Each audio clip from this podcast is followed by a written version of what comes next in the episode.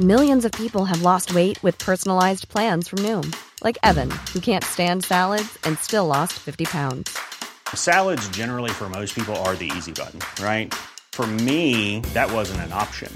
I never really was a salad guy. That's just not who I am. But Noom worked for me. Get your personalized plan today at Noom.com.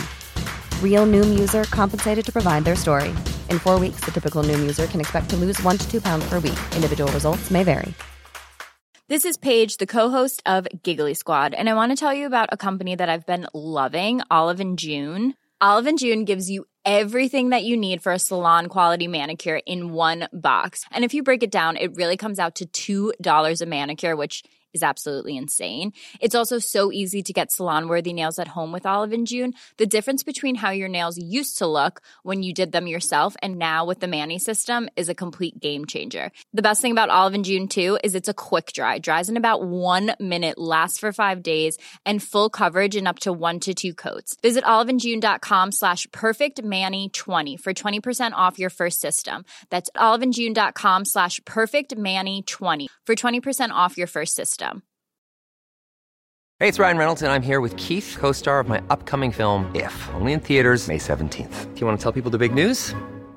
All right, I'll do it. Sign up now and you'll get unlimited for $15 a month in six months of Paramount Plus Essential Plan on us. Mintmobile.com slash switch. Upfront payment of $45 equivalent to $15 per month. Unlimited over 40 gigabytes per month. Face lower speeds. Videos at 480p. Active Mint customers by 531.24 get six months of Paramount Plus Essential Plan. Auto renews after six months. Offer ends May 31st, 2024. Separate Paramount Plus registration required. Terms and conditions apply if rated PG.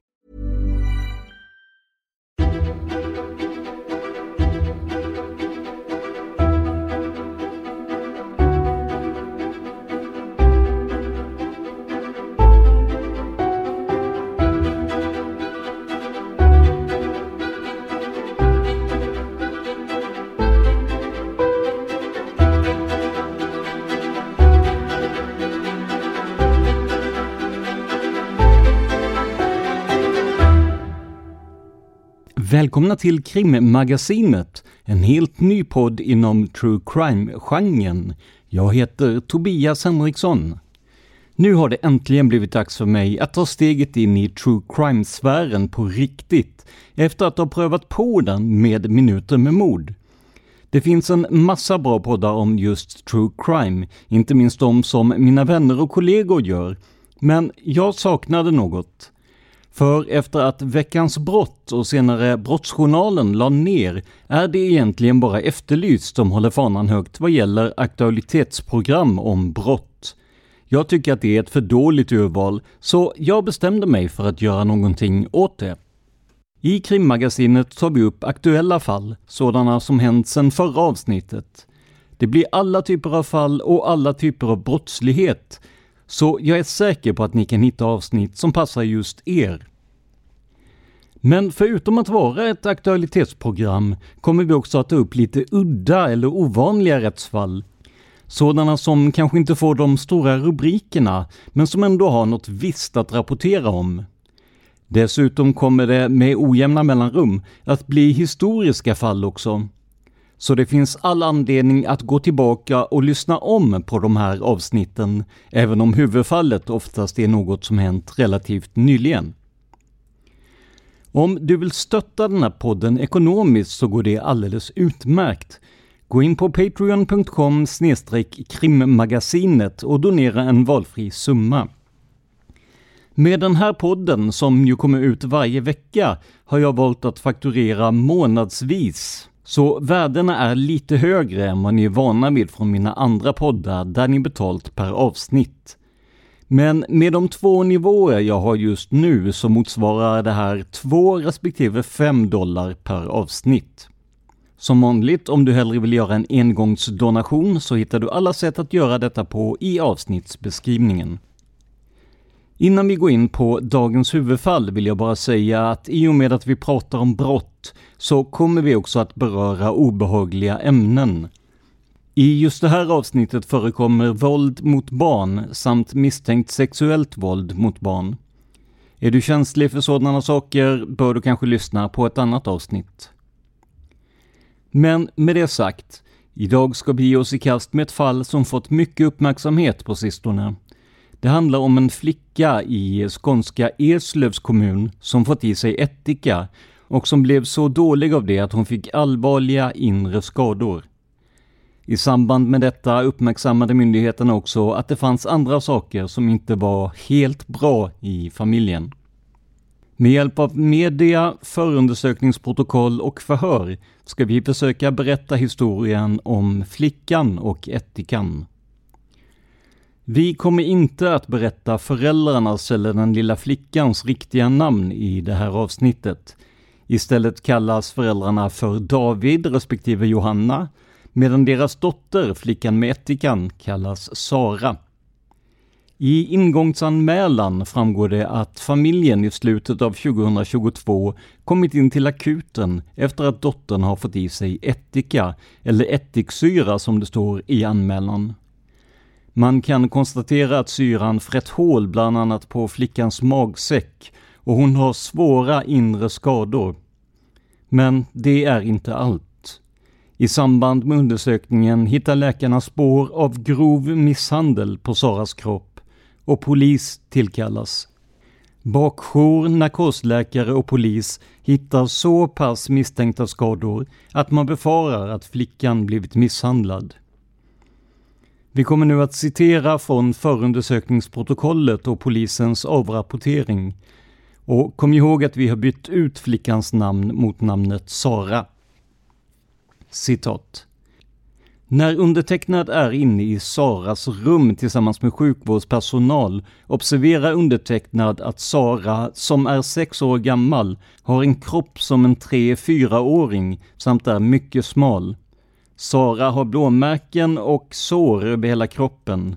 Såren finns framför allt på Saras rumpa och underliv. Utelämnad text. Undertecknad blev starkt påverkad av skadorna Sara hade.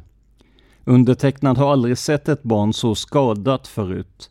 Varken i sina tre och ett halvt år som polis eller i sitt tidigare jobb som undersköterska på sjukhus. När Sara kom in till akuten hade hon en kroppstemperatur på 33 grader.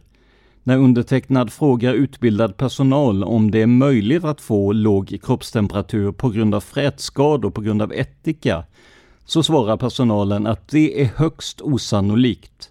Slut citat. Här hör ni ju att språket är lite styltigt, men det här är alltså ett avrapporterings-PM direkt från polisen. Så att det är precis så här de har skrivit det. Men en väldigt låg kroppstemperatur, skador på rumpa och underliv och dessutom allvarliga frätskador efter att ha fått i sig ättika. Dessutom kom man senare att hitta ihopläkta frakturer på flickans kropp. Det står nu helt klart för polisen att det här är något helt annat än ett vanligt olycksfall. Föräldrarna grips omgående och förs till polishuset. Under tiden flickan vårdas på sjukhus kommer det också fram att man tvingats operera bort hennes magsäck som en följd av frätskadorna och att hon aldrig mer kommer att kunna äta fast föda. Under utredningens gång läggs allt fler åtalspunkter till. Slutligen kommer åtalet att omfatta hela sju punkter. Synnerligen grov misshandel i ett fall, tre fall av grov misshandel, två fall av olaga frihetsberövande och ett fall av grov fridskränkning. Men vad var det som gick snett? Och vad var det som hände i den lilla familjen i skånska Eslövs kommun? När det här sänds pågår rättegången mot föräldrarna och all information är inte bekräftad, men vi kommer såklart att återkomma i fallet. Det här är dock vad vi vet just nu. Vi börjar med det som framkommit i media och i förundersökningsprotokollet och lyssnar sedan till vad föräldrarna själva menar har hänt. Hela historien börjar med två personer som träffas, blir kära och flyttar ihop. Det handlar om dem vi kallar David och Johanna. Med tiden kommer familjen att utökas med hela sex barn, barn som nu är mellan två och tolv år gamla. Enligt såväl förundersökningsprotokollet som Google Maps är huset de bor i aningen slitet och det är svårt att förstå hur åtta personer har kunnat vistas där obehindrat. Bilderna från den husrannsakan som gjordes visar också att huset invändigt är mycket stökigt med kassar och kläder slängda lite varstans på de bilder som ingår i förundersökningsprotokollet. Mamman, som idag är i 35-årsåldern, beskrivs ha haft citat diverse krämpor, slutcitat, bland annat smärtproblematik och har varit sjukskriven mycket. Hon säger själv att hon också har självmedicinerat med amfetamin under den här tiden och ett av Saras syskon vittnar om att de har sett sin mamma ta sprutor i armvecket. Pappan, som vi kallar David, har också vad han uppger är problem med smärta och har varit sjukskriven i längre perioder. Som sjukskrivna med sex barn, hus och dessutom ett amfetaminmissbruk är det inte konstigt att familjens ekonomi inte varit speciellt bra.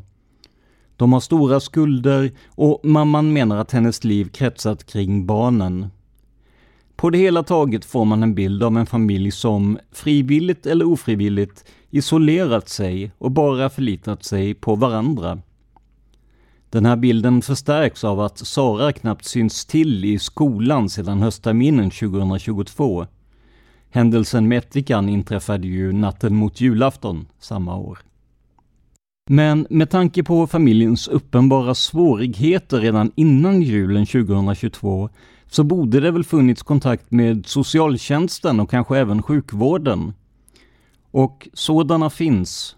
Där har det bland annat konstaterats att flera av barnen har olika former av funktionsvariationer eller neuropsykiatriska diagnoser. Men samtidigt säger man att föräldrarna också spekulerat mycket kring barnens eventuella problem och mer eller mindre tillskrivit dem diagnoser som de inte alls har. Bland annat har det sagts att Sara, flickan som fick i sig ättika, hade ett självskadebeteende och en hjärnskada sedan födseln. Det här har inte på något sätt gått att styrka i utredningen, utan de som träffat flickan menar att hennes intellekt är åldersadekvat och att hon verkar pigg och alert rent mentalt. Tre månader innan julen 2022, alltså hösten samma år, ramlar mamman i familjen ihop och blir inlagd på sjukhus. Något i hennes beteende får vårdpersonalen att känna oro inför hur barnen har det i hemmet. Här kan man ju tänka sig att om hon berättade om sitt amfetaminmissbruk så kan det vara det som gjorde att de fick upp ögonen för det här. Hur som helst, en orosanmälan görs. Och det här leder faktiskt till något, för familjen hamnar i förhandling med kammarrätten där den senare vill omhänderta samtliga barn för att försäkra sig om att de får en trygg och bra uppväxt. Och lägg noga märke till att det här handlar alltså om alla barnen, inte bara lilla Sara. Föräldrarna protesterar i alla fall utom ett, nämligen Sara. De hänvisar till hennes påstådda hjärnskada och självskadebeteende, påståenden som alltså inte har någon medicinsk grund enligt utredningen. Mamman menar också att det finns ett citat omfattande vårdbehov som inte kan tillgodoses i hemmet, slutcitat. Och det kan man väl absolut tänka sig. Jag är själv far till två barn och småbarnsåren kan slita på de allra bästa föräldrar, hur friska och sunda de än är. Sex barn med olika behov och i olika åldrar kan säkert vara lite för mycket för personer som redan tidigare tycks varit känsliga. Barnen kommer inte att placeras i fosterfamiljer, men en handlingsplan med barnens skolor upprättas för att få bukt med den höga frånvaron. I övrigt är det oklart vad som faktiskt gjordes för att värna barnens bästa. Den 29 november 2023 kom beslutet att Inspektionen för vård och omsorg, IVO, inlett en granskning om hur Eslövs kommun hanterat ärendet. IVO ska bland annat titta på hur kommunens socialnämnd hanterat orosanmälningar och skyddsbedömningar gällande barnen. Men att flickan fått i sig ättika, antingen genom att ha blivit itvingad det eller genom att föräldrarna inte haft tillräcklig koll på sina barn, är inte allt. Som jag berättade fanns det också klara tecken på vanvård av flickan, inklusive undernäring och skador på kroppen. Föräldrarna misstänks också ha hållit Sara inlåst i hemmet, vilket gör att de misstänks för olaga frihetsberövande. Nu vill jag utfärda en stark varning till er som är känsliga, för nu kommer vi att redogöra för vad flickan själv säger. Det kommer som sagt att innehålla våld mot barn och vanvård av barn, så är ni känsliga för det så ber jag er hoppa fram några minuter i avsnittet. Just nu pågår ju alltså rättegången mot föräldrarna och där spelades de videoförhör som gjorts med Sara upp. Här säger flickan att hon misshandlats och bundits fast naken i en bilbarnstol i familjens tvättstuga. Flickan har dessutom berättat för polisen att hennes mamma hällde kokande vatten och flytande stearin på henne och att pappan vägrat ge henne kläder när hon frös. Varje gång jag frågade så gav han mig inte kläder, jag hade bara blöja på mig, säger flickan. Och flickan hävdar faktiskt att hon druckit ättikan själv. Men hur skulle hon kunna det när hon var fastbunden? Något här går inte ihop och polisen misstänker att föräldrarna fått flickan att ljuga om det av rädsla för föräldrarna. Men andra saker berättar hon desto mer om. I ett förhör som görs lite senare med flickan berättar hon om tiden i ett hus som familjen bott i tidigare. Även då ska hon ha varit inlåst ensam i ett rum. Rummet hade bara en säng och ett förspikat fönster. Även där tvingades hon vara naken, förutom en blöja. Jag hade inget täcke och ingen kudde. Jag frös, inte ens pappa kom upp med kläder till mig. Jag fick frysa, säger Sara. Flickan berättar också att det luktade illa av kiss i rummet. Hon hade en blöja på sig men den byttes så sällan att det läckte igenom till sängen. Jag hade inget val, jag fick kissa i blöjan, säger hon och fortsätter. De ville inte att jag skulle komma ut. Flickan berättar också att det kunde dröja dagar mellan gångerna då hon fick mat och att hon var hungrig. Det här påståendet stärks av att flickan var gravt underviktig när hon kom in till akuten julen 2022. I förundersökningen mot föräldrarna framgår det att flickan ska ha utsatts för närmast tortyrliknande misshandel. Hon har som sagt obehandlade frakturer i armarna, men också brännskador, sår i huvudet och skador i underlivet. Och just det här med skadorna i underlivet är märkligt, i alla fall för en lekman. För föräldrarna är inte åtalade för någon form av sexuellt våld mot barnen. Är det skador som uppkommit genom slag och sparkar och alltså inte innefattat något sexuellt? Eller är det istället skador som uppkommit av att hon tvingats ha på sig en nedkissad blöja alldeles för lång tid? Utredarna har också hittat blod från flickan på innerväggarna i huset. Men det här vill flickan inte prata om. Hon blir häftig och närmast skriker ”Jag vill inte prata om det, nej!” Förhörsledaren försöker beröra ämnet igen och säger med mjuk röst ”Vi kan ju se att det är ditt blod. Hur kommer ditt blod dit?” Men flickan visar med all önskvärd tydlighet att hon inte vill prata om sina skador eller varför det är blod på väggarna i hennes rum. Efter en stund säger flickan att hon är rädd. Jag tycker inte om det, det är läskigt för mig. I ett förhör som Aftonbladet rapporterar om har förhörsledaren tagit med sig en bilbarnstol. Förhörsledaren frågar flickan hur hon var bunden. Jag vill inte prata om det. Varje gång jag pratar om det så blir jag ledsen, säger flickan. Flickan föreslår istället att hon ska visa. Och då visar hon hur hennes armar var hopbundna med en rem från bilbarnstolen. Förhörsledaren frågar vem som hade bestämt att hon skulle bindas fast. Mamma bestämde det, för hon tyckte att jag luktade äckligt, säger Sara. Förhörsledaren. Hur hårt satt repet om benen? Hårt, säger flickan. När förhörsledaren leder in samtalet på mamman och pappan så är flickan tydlig med att hon inte vill träffa dem. De har redan gjort mig illa, jag vill inte bo med dem. De har slagit mig och låst in mig och puttat mig, säger hon.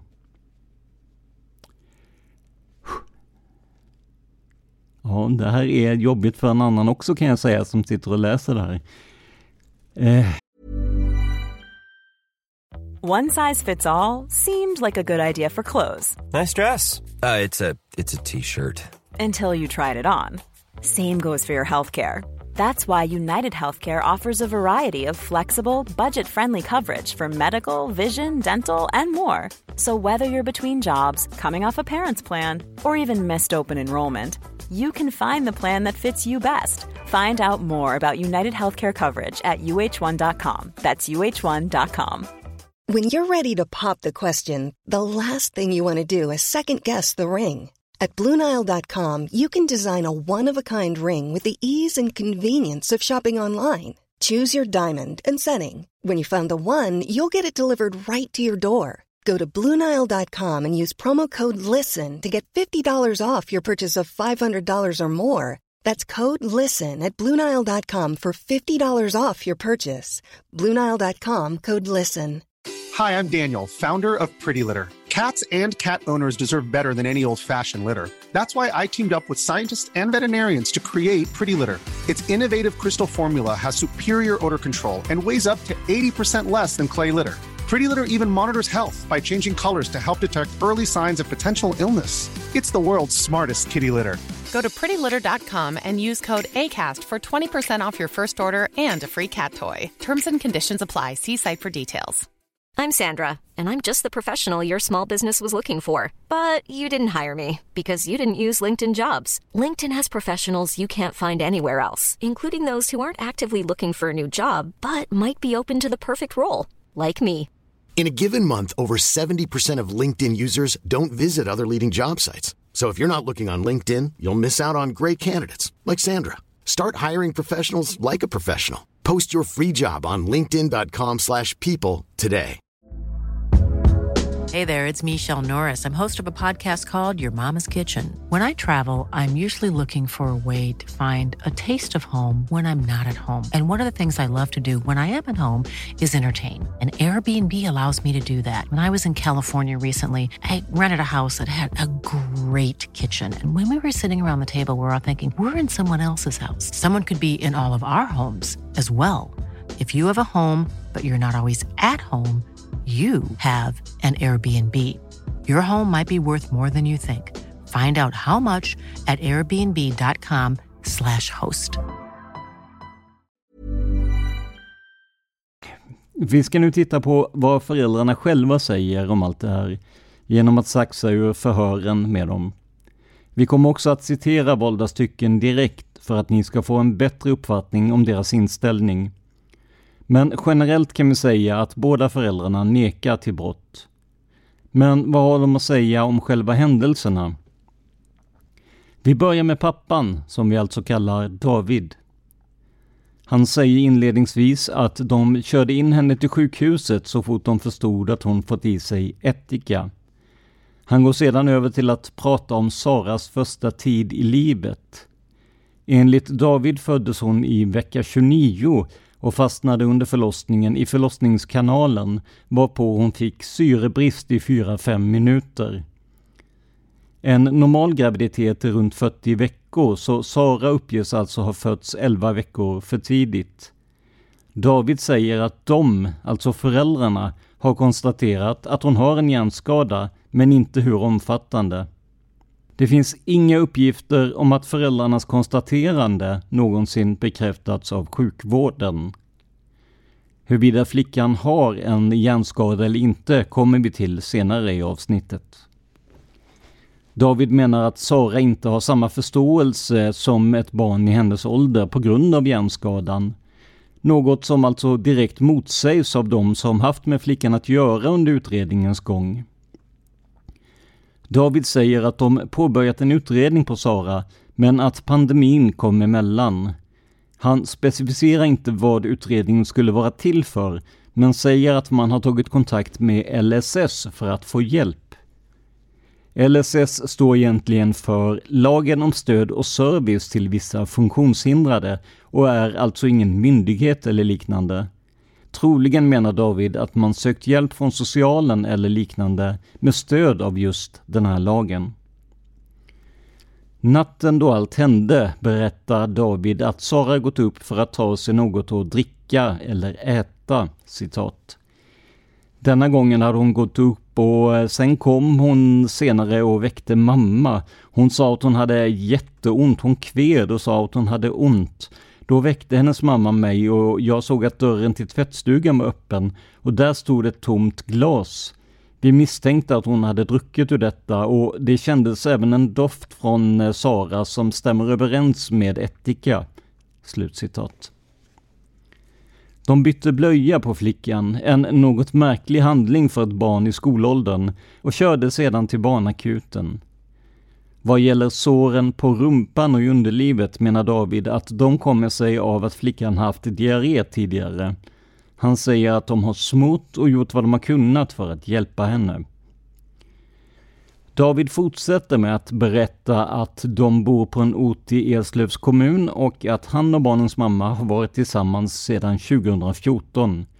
David jobbar på en daglig verksamhet medan Johanna enligt uppgift varit arbetslös i 5-6 år.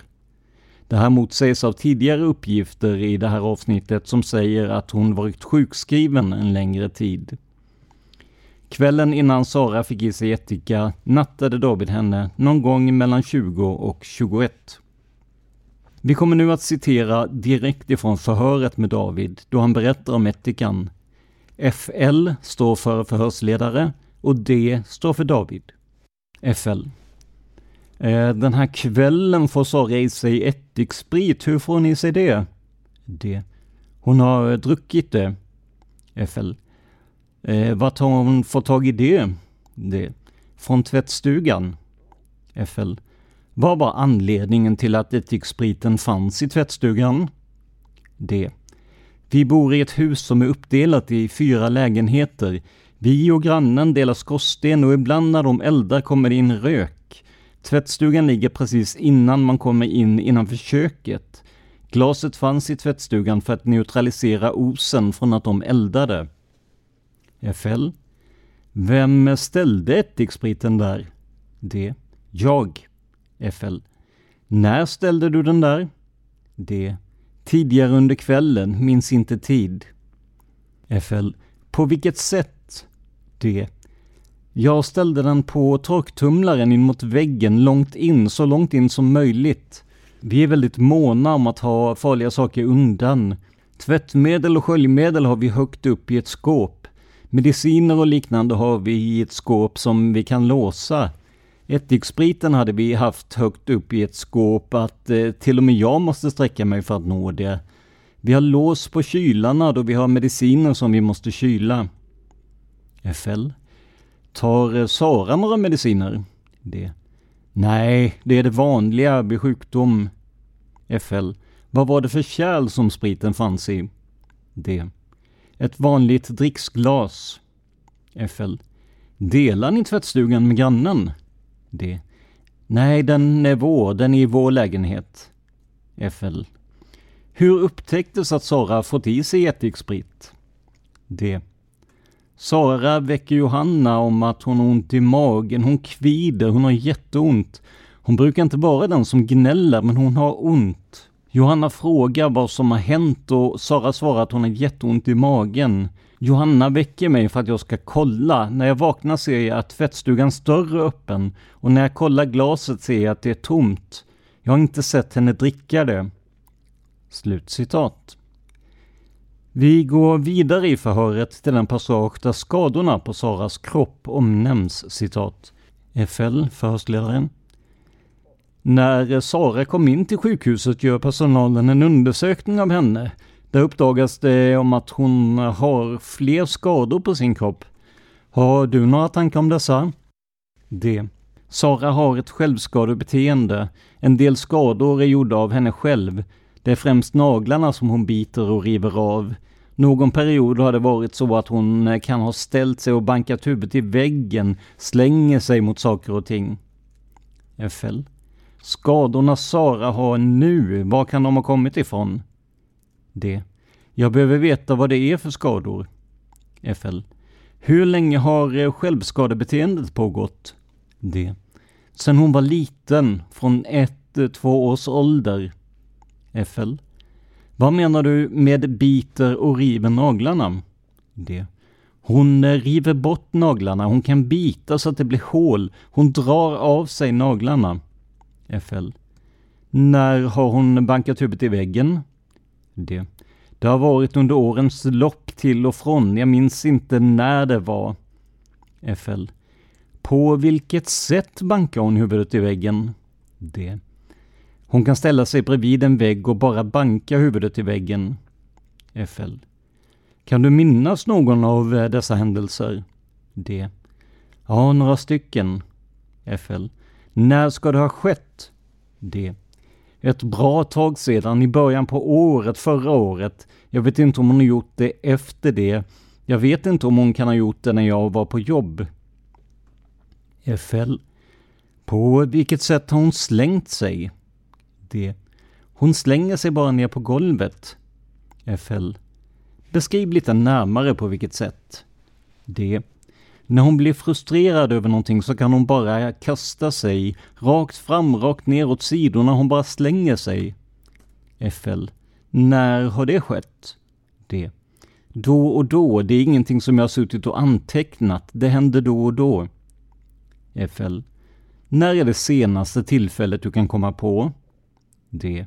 I höstas. FL. Det finns eh, flera skador på Saras kropp. Jag kommer att läsa upp dessa så får du kommentera. Skador på strupe, i magsäck. D. Om jag förstod det rätt så var det ättikan som orsakade dem. FL. Sår i hårbotten. D. Okej, okay. hur? Var? FL. Uppe i skalpen i hårbotten har man hittat sår. D. Stora sår. FL. Ett sår i hårbotten helt enkelt. D. Det kan vara att hon har kastat sig mot någonting. FL. Har du sett det här såret? D. Nej, det har jag inte. FL. Sår, svullen näsa. D. Kan ha slagit i sig en bordskant, en vass kant eller TV-bänken kanske? FL. När? D. Ja, bra fråga. Tidigare i vinter, sen höst. FL. Vem var det som eh, bevittnade den här händelsen? D. Jag vet inte om Johanna har sett det. FL. Vad grundar du din slutsats om att det är ett bord eller en TV-bänk? D. Det är ett rakt sår, precis som att en vass kant har orsakat det. FL. Skada på nyckelbenet. D. Det känner jag inte till. FL. Du känner inte till den skadan? D. Nej. FL. Skada på mage. D. Som ett blåmärke? FL. Ja. D. Det upptäcktes på sjukhuset. De har försökt sticka henne flera gånger. Hon är svårstucken och de ville sätta nål på henne. FL. Du sa att det upptäcktes på sjukhuset. D. Ja, de sa till mig att hennes mage var svullen, någon gas. Det kan ha varit det som orsakade det blåa på magen. FL. Skador på händer och armar, sårskador framför allt. Det. Det är det jag menar med att hon biter sig. FL. Skador på benen, färgförändringar som blåmärken och andra märken. D. Nere på fötterna? FL. Det är olika ställen på benen. D. Det är inget eh, jag känner till. Kan ha varit någon kastat sig eller så. FL. Förtydligande, inget som du har noterat? D. Hon kan ha haft ett blåmärke eller så. Hon får väldigt lätt blåmärken. Det räcker att hon eh, stöter till ett bord så får hon ett blåmärke. Det ligger nog i släkten för jag kan också lätt få blåmärken. Likaså min farmor. FL. Varför får hon enkelt blåmärken? D. Ingen aning. Ytterligare blodkärl gissar jag på. FL. Sårskador på rumpan. Väldigt många och omfattande sårskador. D. Det är vattendiarrén som orsakat det. FL. Hur eh, länge har skadorna på rumpan funnits? D. Det är sedan maginfluensan. FL. När var det den började? D. 10-12 december någonting. FL.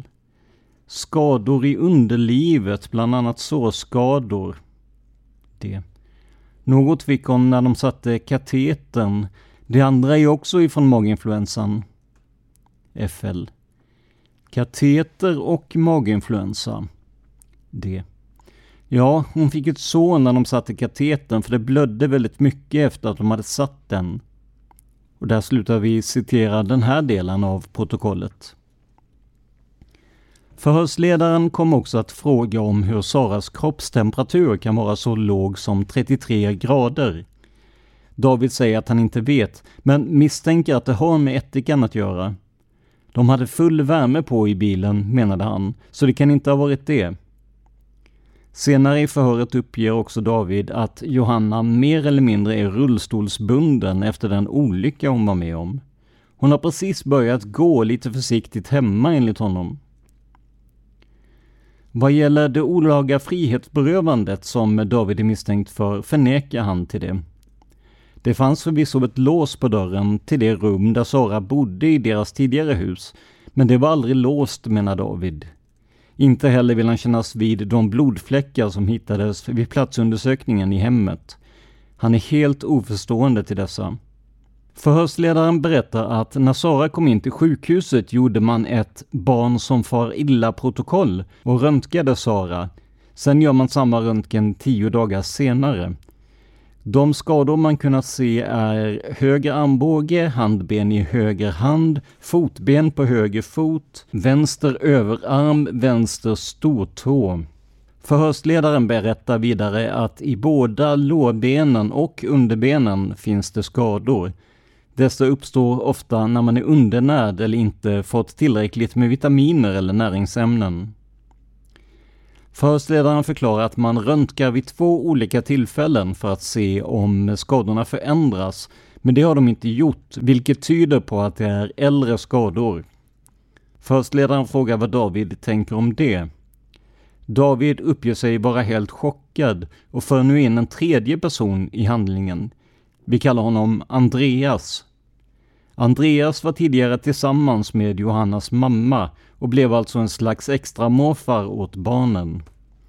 I Andreas förhör framstår han som omhändertagande och vårdande, kanske mer än barnens föräldrar, och det finns inget som tyder på att Andreas gjort Sara eller något annat barn illa. David menar att Andreas tidigare försökt förgifta sin sambo, alltså Johannas mor och barnens mormor, och att han ska ha skrutit om att han dödat tidigare. Det är utifrån förundersökningsprotokollet omöjligt att veta om detta är sant. Men i förhör får Andreas inga frågor om de här påståendena, så det verkar inte som att polisen tar Davids utsaga på fullt allvar. Jag gillar inte att göra saker halvdant, så jag begärde ut eventuella domar på den person som vi kallar Andreas. Genom förundersökningsprotokollet var det inga problem att hitta hans personnummer och därmed få ut de här handlingarna.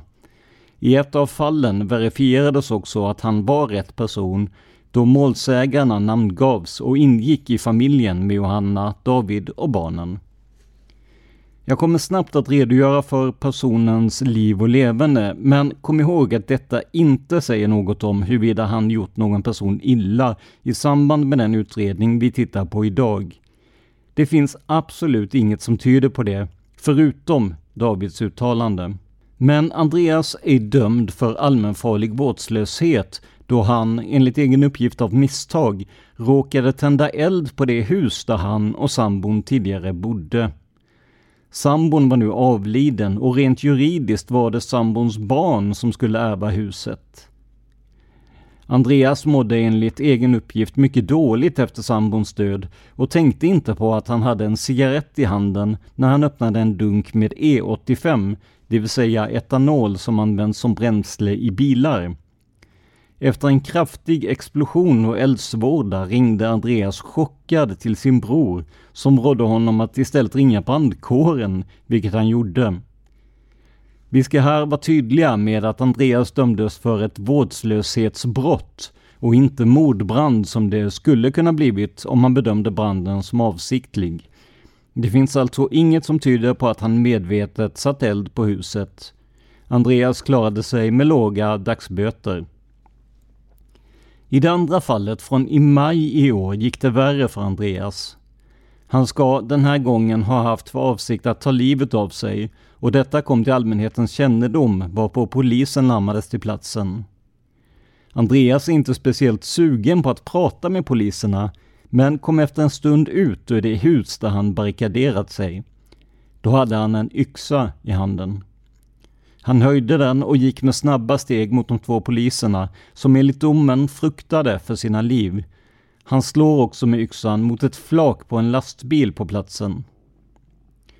I domen konstateras att Andreas inte vill ha samhällstjänst samt att han har ett pågående missbruk och depression och inte öppnar sin post. Det här talar både för och emot honom kan man säga. För på så sätt att hans fängelsestraff, för det blev fängelse, minskades från tre månader till två månader på grund av depressionen. Men å andra sidan gjorde ju hans avstånd från samhället att det blev just fängelse och ingen annan påföljd. Men som sagt, inget i de här båda domarna tyder på att något av det David säger är sant. Det nämns inte med ett ord att han skulle ha varit våldsam mot någon annan än sig själv och poliserna i den senare domen. Och man kan ju också fråga sig om Johanna och David verkligen skulle låta sin dotter hämtas på dagis av och vara hos Andreas om han tidigare sagt att han dödat tre personer. Jag vet att jag aldrig skulle tillåta det i alla fall. För att det här avsnittet inte ska bli två timmar långt så ska vi nu gå över till vad Johanna har att säga om allt som hände kring jul 2022. Även hon förnekar till att ha skadat Sara och berättar i princip samma berättelse vad gäller själva ättikan. Sara ska ha fått i sig det själv menar hon. Förhörsledaren är sedan nyfiken på varför Johanna sitter i rullstol. Så här går samtalet, citat. Förhörsledare FL. Eh, får man eh, fråga varför du sitter i rullstol? J. Johanna. Mm. FL. Eh, vad är det för, eh, är det en sjukdom? J. Mm, jag fick ett eh, EP-anfall i augusti. Det är stressrelaterat så jag trillade i trappen alltså. Jag fick ett epilepsianfall mitt i trappen så jag fick en skada på ryggmärgen så eh, jag... Efter det så blev det mer krav på att inte... Alltså innan jag har varit... Eh, tagit hand om Kommentar, här nämner hon namnet på en av syskonen. Det kommer inte vi att göra. Slutkommentar. Och Sara och liksom hela deras, eh, ja och de andra barnen såklart, men jag menar eh, jag har ju haft eh, vaket på syskonet ända sedan hon föddes. Hon är fem år nu. Det har liksom aldrig varit några problem att kunna ta allting med henne och ja, men... Eh, citat. Ett epileptiskt anfall utlöst av stress alltså. Det kan såklart mycket väl stämma, men med tanke på vad vi sedan tidigare hört om Johannas medicin och drogvanor väcks såklart tanken att anfallet kan ha berott på detta också. När förhörsledaren frågar om Saras olika skador väljer Johanna att svara med att det är saker som hänt under tiden Sara legat på sjukhus. Till exempel kan blåmärkena ha kommit från när de försökt sätta en nål i armen på dottern, menar Johanna. Men förhörsledaren ger sig inte, utan frågar om de skador som sågs direkt när flickan kom in till sjukhus och även de skador som har kunnat konstateras vid röntgen. Johanna är dock benhård och menar att hon inte sett några skador förrän på sjukhuset. Det enda hon medger är att Sara haft sår på rumpan efter vattniga diarréer. Hon nekar helt till att hon eller David skulle ha orsakat skadorna.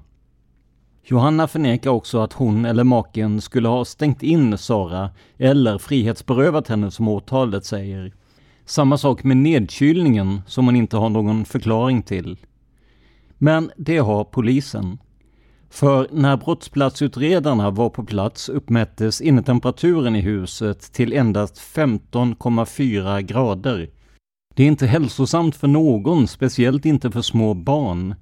Det behöver såklart inte vara uppsåtligen som föräldrarna sänkt temperaturen, Men man har ett ansvar för att hålla sina barn varma, mätta och trygga.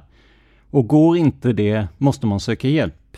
Är det för kallt i huset borde de pratat med hyresvärden eller socialen för att tillfälligt kunna bo någon annanstans. Här kan jag lägga till att jag själv bott i ett hus nere i Skåne, dock utanför Ystad, som har ett eh, så här kulturmärkt hus. Där man inte fick göra några förändringar, till exempel byta ut fönster eller tilläggsisolera och sådär. Och eh, en eh, vintermorgon så hade vi 12 plusgrader när vi vaknade, vilket ju är alldeles åt skogen. Och då var vi ändå vuxna. Här är det alltså en ung tjej som dessutom är undernärd, som har vistats i ett hus där det är 15,4 grader. Det låter allt annat än hälsosamt. Men vad är egentligen sant om Saras påstådda skador vid födseln? Det här är ju något som både Johanna och David pratat mycket om och som de hänger upp i stort sett hela sin berättelse på. Förhörsledaren frågar om det och vi ska citera ett stycke ur förhöret. Kom dock ihåg att detta är Johannas återberättelse av vad som ska ha hänt. Citat. Det här blir ett litet konstigt citat, för uppenbarligen har man missat ett antal ord här, men vi kör ändå. Citat. Förhörsledaren frågar om det finns någon utredning. Sara fastnade när hon föddes och fick syrebrist. De har nu fått reda på att det finns förändringar på grå. Navelsträngen satt fast i över fyra minuter kommentar. Det är ju här det blir knasigt. Här är det ju uppenbarligen något ord som saknas i protokollet. Slutkommentar. När hon föddes sövdes hon ner för att spara på hjärnan. De fick till sig att hon troligtvis haft hjärnskador, men att det skulle visa sig med åldern. När då skolan gick igenom journalen för att börja med utredningar såg skolläkaren att det stod i journalen att det fanns skador på vit och grå hjärnmassa. Så det är dokumenterat att hon har skador på hjärnan sedan födseln. Det var så skönt att få veta det. De har bara vetat att hon troligtvis har en skada på hjärnan sedan födseln och att det nu finns dokumenterat. Slutcitat. Men stämmer det egentligen? Vad hände Sara vid födseln? Till att börja med kan vi konstatera att hon föddes i vecka 31, vilket gör att det är ungefär två månader för tidigt enligt läkaren Louise som förhörs om Saras sjukdomshistoria. Så att Sara är född för tidigt, till och med mycket för tidigt, är fastställt. Men det där med att navelsträngen skulle ha suttit fast eller att Sara skulle ha haft den om halsen, vilket också påståtts, finns inte med i journalen. Läkaren som förhörs säger att om det hade varit så, så hade det definitivt stått med i journalen. Så det kan vi avfärda. Därmed inte sagt att det var en lätt förlossning. Flickan fastnade enligt journalen på vägen ut och hon satt fast 5-10 minuter innan hon kom ut. Sara är slapp och blek och visar inga andningsrörelser. Efter att ha sugit rent luftvägarna börjar hon andas själv, men inte hela tiden, så man får stötta med andningstub. Förhörsledaren undrar om det är något som indikerar en förlossningsskada utifrån journalerna. Men Louise säger att det är för tidigt att säga på neonatal-IVA andas Sara själv, men får medicin bland annat mot kramper. De här kramperna visade sig mestadels på det EEG man tog på flickan. Någon uppenbar hjärnskada går inte att konstatera utifrån de journaler som förhörsledaren och läkaren Louise tittar i. Däremot har man tagit en CT, en så kallad datortomografi på svenska, på flickans huvud som visar att man inte kan se en tydlig skillnad mellan de olika hjärnvävnaderna. Den här bilden var dock suboptimal som läkaren uttrycker det, vilket hon förklarar med att bildkvaliteten inte var den bästa. Slutsatsen i journalen blir att en hjärnskada citat kan föreligga slutcitat. Med andra ord finns det inget definitivt besked vid det här laget och föräldrarna har antingen missförstått vad vårdpersonalen berättat för dem eller lagt till medvetet för att utmåla Saras besvär som större än de egentligen var, nu när föräldrarna står åtalade. Vi citerar ur förhöret med Louise, citat. Förhörsledaren, FL, om man hade fortsatt att man hade sett att det inte stämde, hade man bara släppt hem föräldrarna då utan någon uppföljning eller stöd? Louise L. Nej, det gör man inte. FL. Eller säger man att jo, vi ser en hjärnskada men ni får återkomma när hon är sex år? L. Nej, det gör man inte. FL. Jag vill bara ha det tydligt hur proceduren ser ut när man har ett barn som är för tidigt fött, eller ett barn där man eh, ser att det är en hjärnskada. Släpps man då i några år utan uppföljning? L. Nej, det gör man inte. Det är olika protokoll på hur man följs upp. Slutcitat. Och det här motsäger att det skulle funnits en dokumenterad hjärnskada. Föräldrarna ville nämligen komma hem tillsammans med Sara relativt snabbt och sjukvården hade inget att invända. Och som Louise säger i citatet, hade det funnits en konstaterad hjärnskada hade man inte bara släppt iväg dem hur som helst utan uppföljning. Sara genomgår ett flertal datortomografier i samband med att föräldrarna söker vård för henne, då de inte tycker att hon är närvarande på samma sätt som de övriga barnen. Men ingen av dem visar på några kramper, något som hade kunnat indikera en hjärnskada. Däremot visar vårdkontakten att flickan är undernärd, vilket också personalen som tog emot på barnakuten säger. Och inte bara det, när flickan kommer in till sjukhuset är hon smutsig och luktar illa av både urin och avföring. Johanna förhörs flera gånger men väljer nu att sitta helt tyst. Detta är en rätt man har som misstänkt och många kriminella säger inget i förhör utan väntar till man får del av förundersökningsprotokollet för att se vad andra har sagt och lägga sin berättelse nära deras historia. Men så vitt vi vet är Johanna inte kriminell sedan tidigare och kanske inte alls om hon frias i den nu pågående rättegången. Så kanske tröttnade hon bara på att svara på frågorna om och om igen. Det vi kan konstatera är att Nationellt forensiskt centrum, NFC, menar att blodfläckarna som hittats på väggarna i hemmet kommer från Sara. De ger fläckarna den högsta möjliga graden, plus 4, på en skala som går från minus 4 till plus 4. Så något har hänt i hemmet. Antingen har hon skadat sig som barn gör ibland. Det kan hända att de ramlar eller liknande. Men ett annat alternativ som kanske är mer troligt med tanke på den vanvård vårdpersonalen vittnar om att flickan utsatts för är väl att föräldrarna slagit henne och att blodet stängt på väggarna. Men det är det som rätten ska ta ställning till och vi återkommer såklart när dom har fallit. Slutligen verkar det som att föräldrarna utövat påtryckning mot Sara för att inte berätta vad som egentligen hänt. Flera ur vårdpersonalen har hört mamman säga att Sara citat inte skulle druckit det slutcitat och liknande formuleringar. Med det har hon försökt få Sara att säga att hon frivilligt drack av ättikan, menar åklagaren. Det här är ett i alla delar sorgligt fall.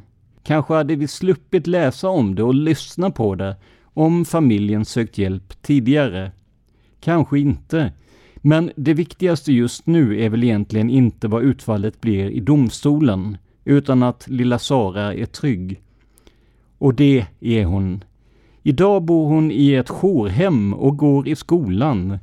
Enligt tidningen Sydsvenskan har hon vid ett tillfälle på sjukhuset sagt Nu har jag det bra, nu när jag är med er. Och nu hade ju jag egentligen lovat er ett lite mer lättsamt fall så här på slutet, men det får vänta till nästa vecka. Mitt webbhotell håller nämligen på att föra över mitt mejlkonto till en ny plattform, så jag kommer inte åt mejlen just nu och kan därför inte följa upp fallet som jag hade velat. Men jag lovar att ni kommer få två sådana fall nästa vecka istället. Om ni tycker om den här podden och vill stötta den ekonomiskt så går det alldeles utmärkt. Ni hittar alla sätt att göra detta på i avsnittsbeskrivningen. Vill du komma i kontakt med oss? Maila till krimmagasinet aprsmedia.se. Här tar vi emot feedback, frågor och förslag på ämnen eller gäster. Det här var veckans avsnitt av Krimmagasinet av och med mig Tobias Henriksson på PRS Media. De källor vi använt oss av idag är artiklar i Aftonbladet, Sydsvenskan, Expressen samt förundersökningsprotokollet och i Andreas fall också domar. Vill du veta mer om mig och mina projekt? Besök facebook.com prsmedia.se eller gilla oss på Instagram där vi heter prsmedia. Ett ord, små bokstäver. Låten i vårt intro och outro, ja det är som vanligt Life Decisions och den görs av Remember the Future. Stort tack för att ni lyssnar på den här podden. Vi hörs nästa fredag.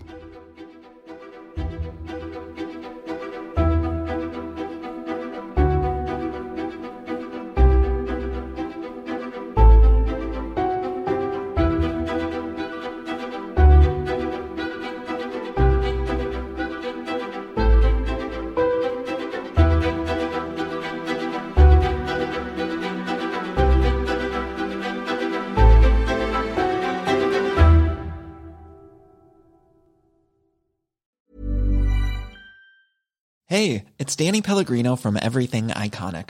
Ready to upgrade your style game without blowing your budget? Check out Quince. They've got all the good stuff shirts and polos, activewear, and fine leather goods, all at 50 to 80% less than other high end brands. And the best part? They're all about safe, ethical, and responsible manufacturing. Get that luxury vibe without the luxury price tag. Hit up quince.com slash upgrade for free shipping and 365 day returns on your next order. That's quince.com slash upgrade. Hi, I'm Daniel, founder of Pretty Litter. Cats and cat owners deserve better than any old fashioned litter. That's why I teamed up with scientists and veterinarians to create Pretty Litter.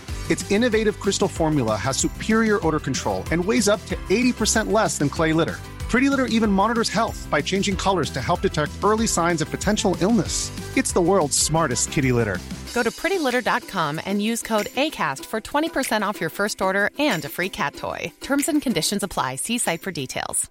Hey, it's Paige DeSorbo from Giggly Squad. High quality fashion without the price tag? Say hello to Quince.